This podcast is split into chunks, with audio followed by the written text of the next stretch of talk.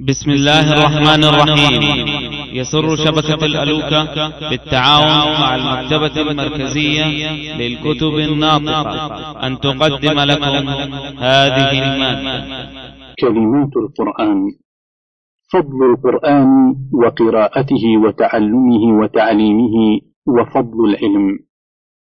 عن أبي هريرة مرفوعا فضل القرآن على سائر الكلام كفضل الله على خلقه. رواه البيهقي في الشعب. وعن أبي أمامة قال سمعت رسول الله صلى الله عليه وسلم يقول اقرأوا القرآن فإنه يأتي يوم القيامة شفيعا لأصحابه. رواه مسلم. وعن ابن مسعود قال قال رسول الله صلى الله عليه وسلم من قرأ حرفا من كتاب الله فله حسنة والحسنة بعشر أمثالها. لا أقول ألف لام ميم حرف بل ألف حرف ولام حرف وميم حرف. رواه الترمذي. وعن عثمان عن النبي صلى الله عليه وسلم قال خيركم من تعلم القرآن وعلمه رواه البخاري. وعن أبي موسى الأشعري عن النبي صلى الله عليه وسلم قال مثل المؤمن الذي يقرأ القرآن مثل الأترجة ريحها طيب وطعمها طيب. ومثل المؤمن الذي لا يقرأ القرآن كمثل التمرة لا ريح لها وطعمها حلو.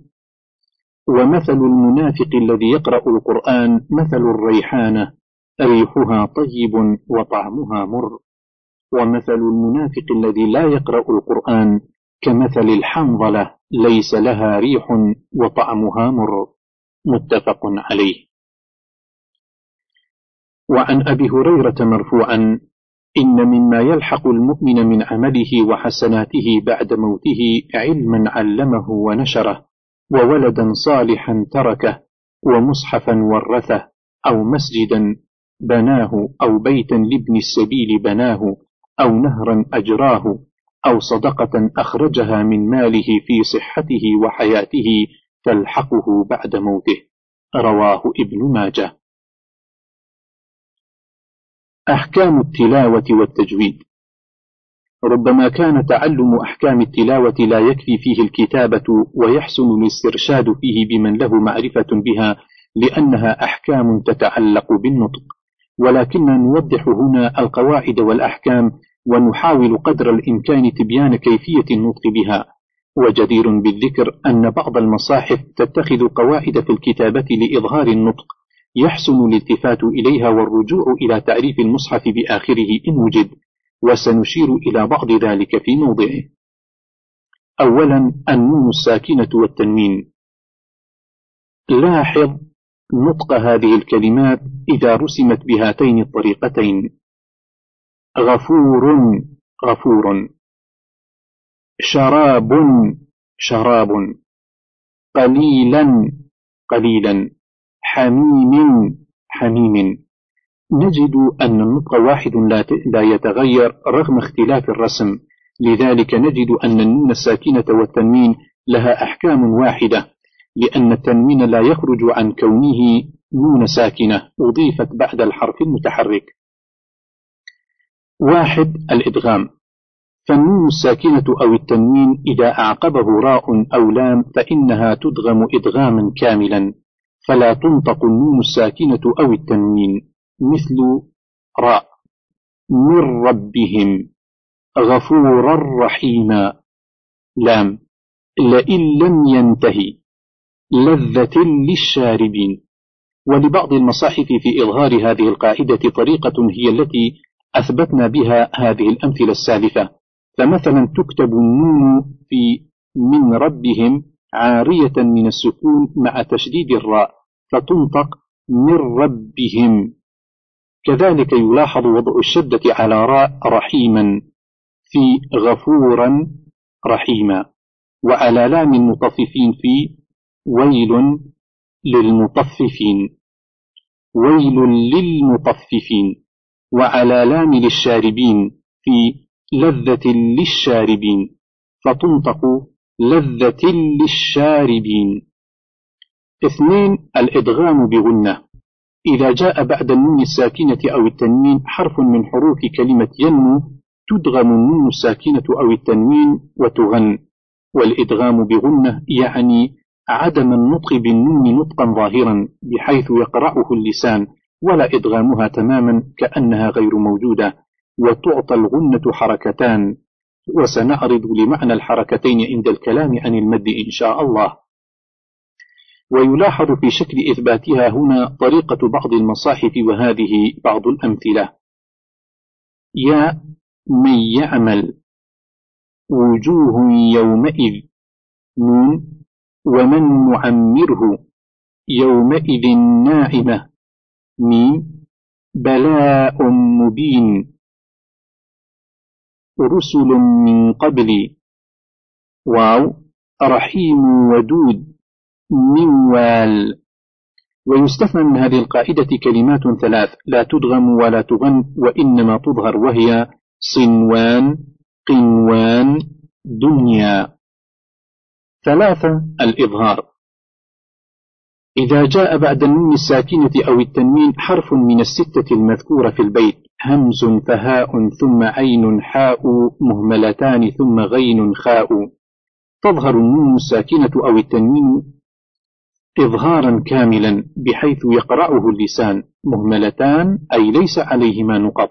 مثل الهمزة ينأون عنه.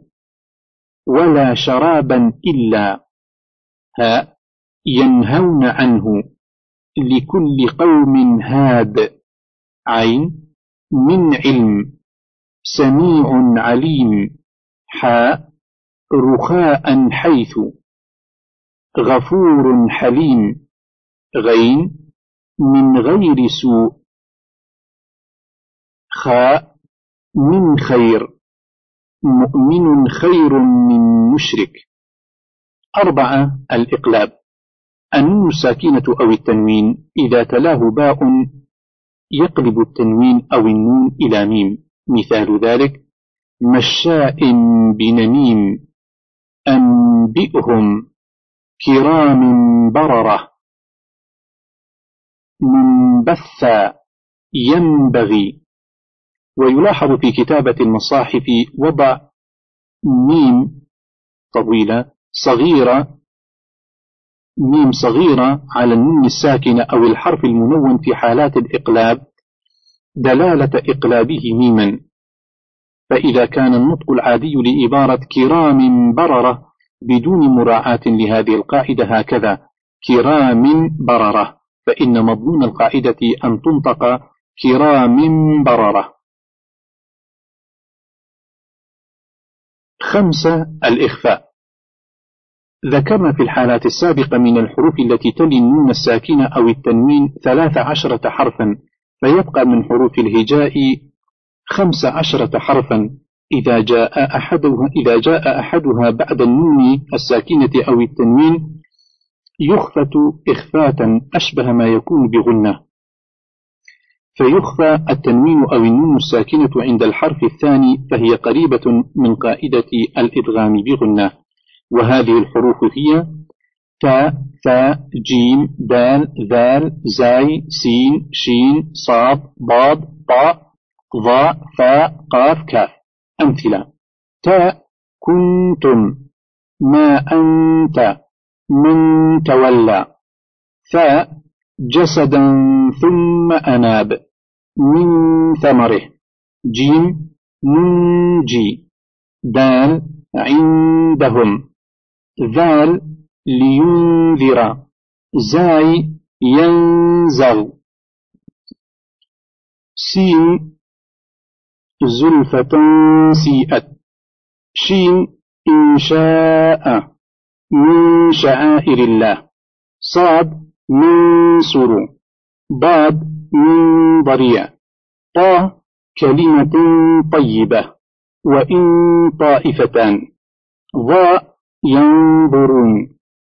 فاء قتال فيه كبير. فإن فاءوا. رسولا فيوحي. قاف ينقلب. من قبلهم. كاف إن كنتم. من كان. ثانيا الميم الساكنة. إذا أعقب الميم باء أو ميم تدغم الميم الأولى وتغن. مثل باء نبتليكم بنهر فهزموهم بإذن الله. إن ربهم بهم. ميم إن كنتم مؤمنين. ويعلمكم ما لم تكونوا تعلمون. وفي بعض المصاحف تعرى الميم الساكنة فإن تبعها باء تشكل الباء تشكل الباء بشكلها العادي وإن تبعها ميم تشدد الميم الثانية. قاعدة النون والميم المشدتان تغنان دائما.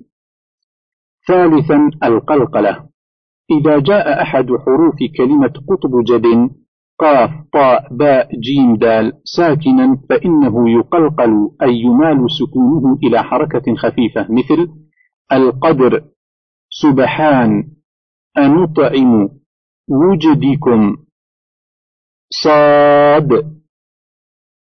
رابعا المد. ونعرض هنا إلى ما يمد حركة وحركتان وثلاث حركات وست وهكذا. وليس معنى هذا أن الحركة لها زمن معين يقاس بكذا من الثواني مثلا ولكنه شيء نسبي بين الحروف بعضها وبعض لتنظيم نطق الحروف بمدها أو عدمه بمقدار معين. فمثلا كلمة ذرأ أو أكل أو فصل نعتبر كل كلمة منها ثلاث حركات باعتبار كل حرف من حروفها المتحركة حركة واحدة.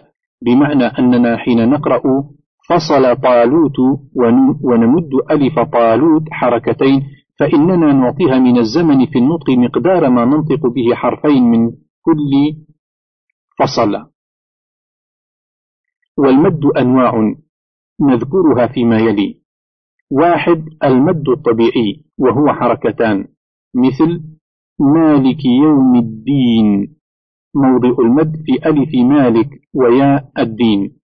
اثنين المد العارض للسكون ويمد من حركتين إلى ست حركات وهو ما بعده سكون في آخر الكلمة مثل والله عليم بالظالمين. فإذا وقفت في القراءة على بالظالمين بتسكين النون كان هذا مدا عارضا للسكون. ثلاثة مد الهمزة المتصل. وهو أربع حركات أو خمس وهو ما جاء بعد همز متصل في كلمة واحدة مثل جاء جيء هؤلاء الملائكة. أربعة مد الهمزة المنفصل وهو من ثلاث حركات إلى خمس وهو ما كان الهمز فيه بعد المد ولكن في كلمة أخرى مثل وإذا أردنا. إلا أن يحاط. يا أيها. خمسة المد اللازم وهو ست حركات وهو ما يأتي بعده ساكن أو شدة مثل الطامة. تأمروني. الضالين. ألف لام. ستة مد اللين وهو أربع حركات. وهو ما كان في حرف الواو أو الياء المتحركة إذا وقف على الحرف بعدها كما في كلمة يوم دين. وصلى الله على سيدنا محمد وعلى آله وصحبه وسلم. ينتهي تسجيل كتاب كلمات القرآن تفسير وبيان للشيخ حسنين محمد مخلوف. قرأه عليكم محمد خير يوسف. تم التسجيل في السابع والعشرين من شهر ذي القعدة سنة ألف وأربعمائة وعشرين للهجرة. والحمد لله رب العالمين وصلى الله وسلم وبارك على نبينا محمد وعلى آله وأصحابه أجمعين. انتهت هذه المادة ولكم تحيات إخوانكم في شبكة الألوف والسلام عليكم ورحمة الله وبركاته.